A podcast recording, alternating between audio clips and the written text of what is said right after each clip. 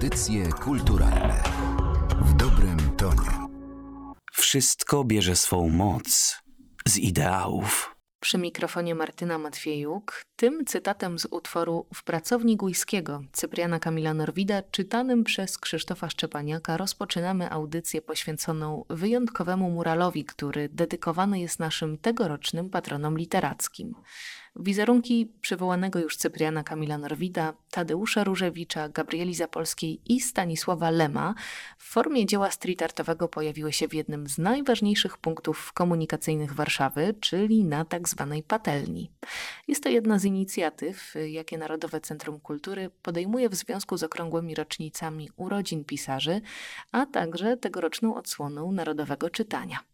Dyrektor Narodowego Centrum Kultury, profesor Rafał Wiśniewski, tłumaczy, dlaczego to właśnie mural stał się formą upamiętnienia naszych mistrzów słowa szukaliśmy takiego sposobu, żeby o przeszłości mówić językiem teraźniejszości. I wydawało nam się w Narodowym Centrum Kultury, że właśnie prace wielkoformatowe odpowiadają i dają esencję tej idei.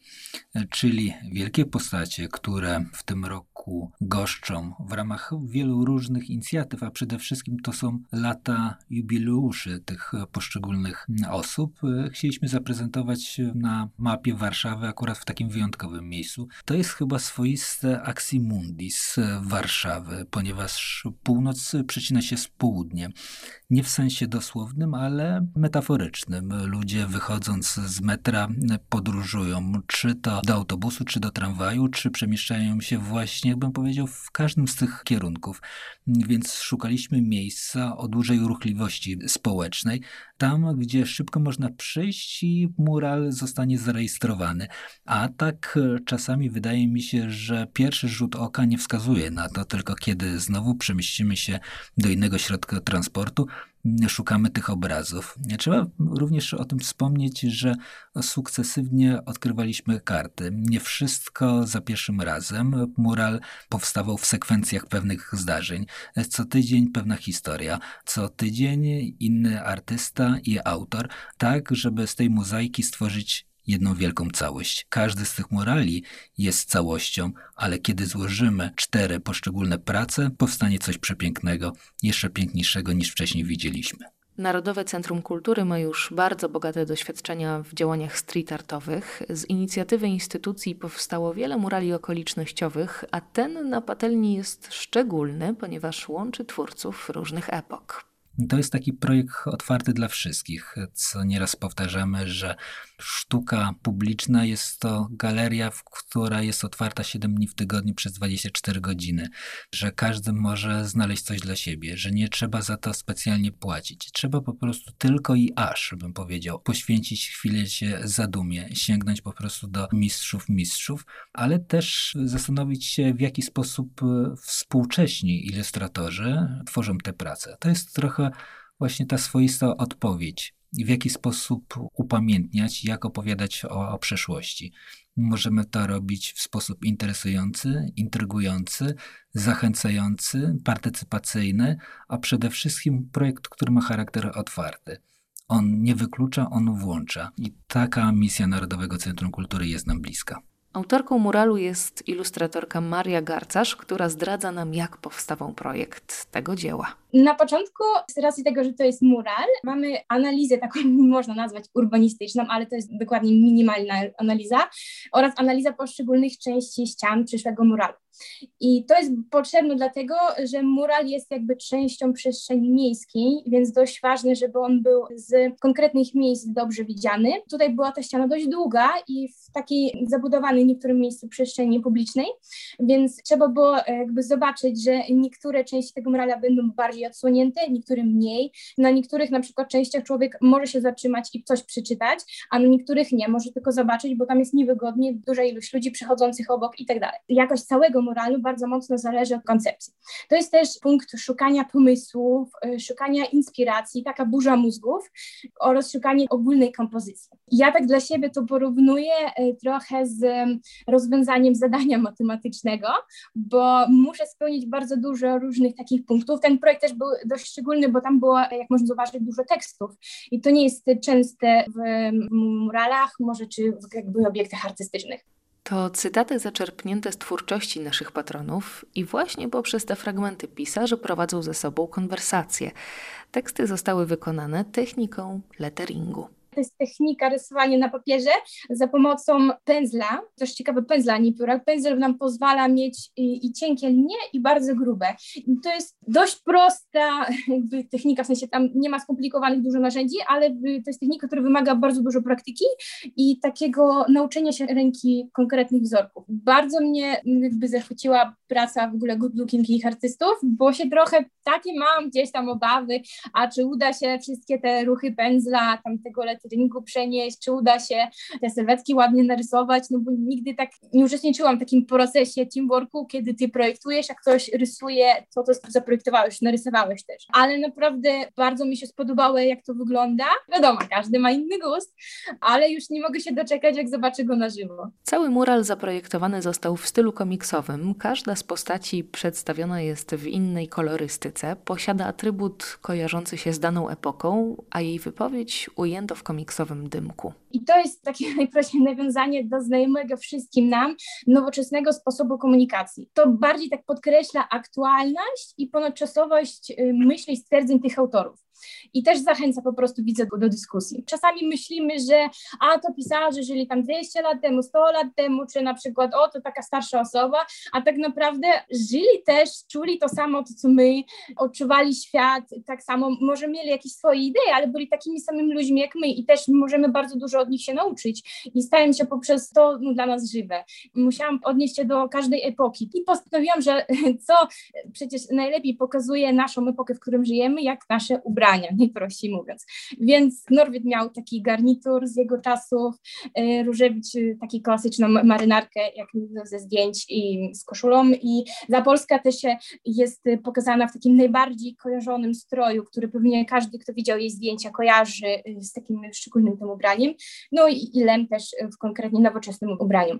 Powstające etapowo wizerunki twórców z pewnością wzbudziły zainteresowanie przechodniów, ale czy zachęcą ich również do sięgnięcia po książki? To jest takie dosyć pytanie otwarte na które nie ma jednoznacznej odpowiedzi, bo to nie jest sztuka jeden do jednego, że ktoś zobaczy mural i sięgnie do Norwida, no ale trzeba szukać, bym powiedział, swoistego sposobu na Alcybiadesa, takich rozwiązań, żeby zachęcić wszystkich, którzy mogą sięgnąć do literatury, żeby odważyli się do niej powrócić.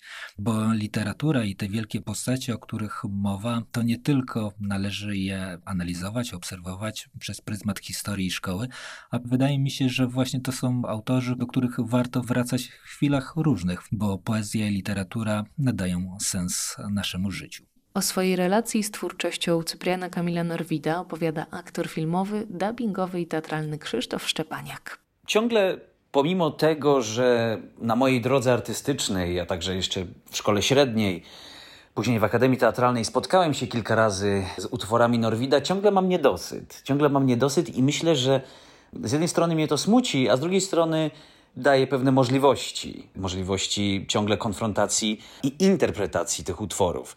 Jak wiemy, Norwid jest poetą niełatwym, traktowanym tak, wydaje mi się, po macoszemu, a to dlatego, że nie wpisuje się w jeden konkretny kanon romantyków walczących o Polskę. On walczy, ale zupełnie innymi sposobami. Proponuje nowych bohaterów, nowe rodzaje bohaterów, inne strategie. Odwołuje się do ironii, co uwielbiam. Jest ironistą.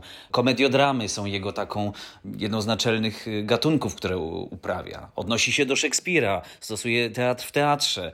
Ten chwyt przecież z XVII i XVI wieku. I to jest bardzo interesujące. Do tej pory taka moja znajomość Norwida opierająca się na, na odnośnikach Jana Pawła do jego tekstów, czy na śpiewanych wersjach jego liryk przez Czesława Niemena, Italiam, Italiam, w szkole średniej oczywiście Bema Pamięci, Rapsod Żałobny.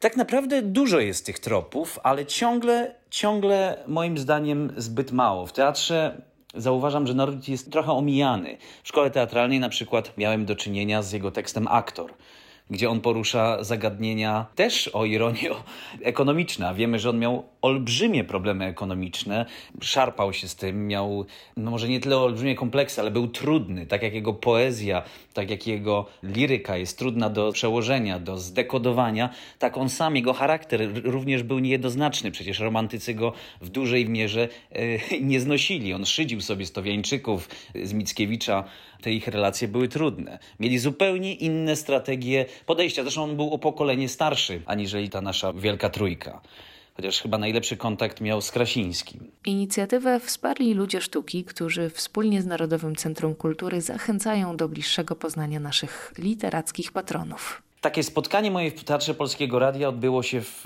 z Jerzym Machowskim, kiedy reżyserował Miłość czystą u kąpieli morskich.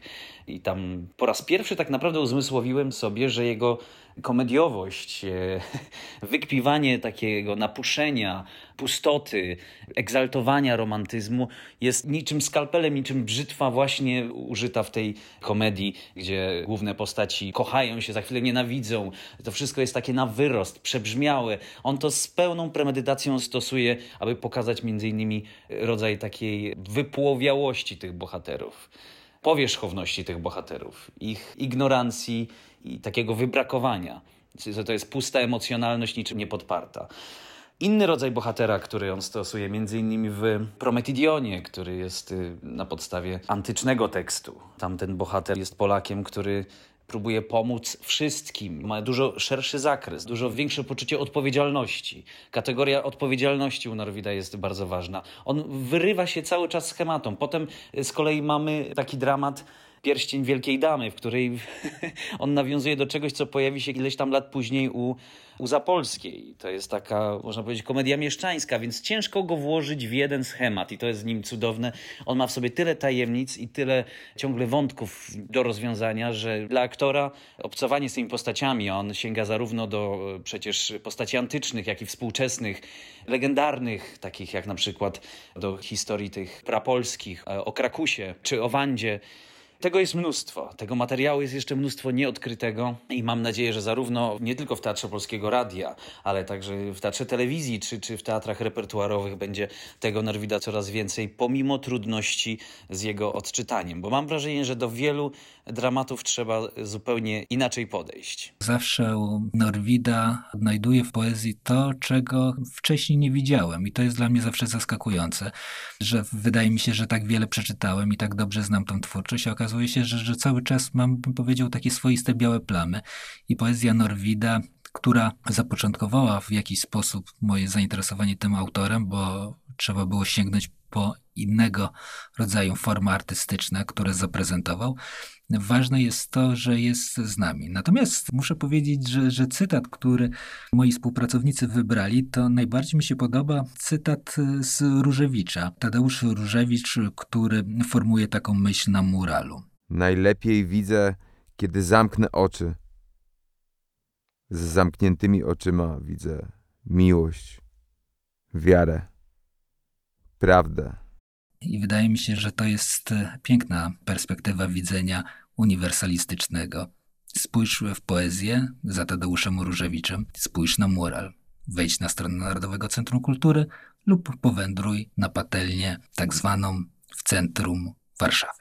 A cytat z kartoteki Tadeusza Różewicza czytał raper Hades. Jeśli tylko mają Państwo taką możliwość, e, zachęcamy do zobaczenia muralu na własne oczy.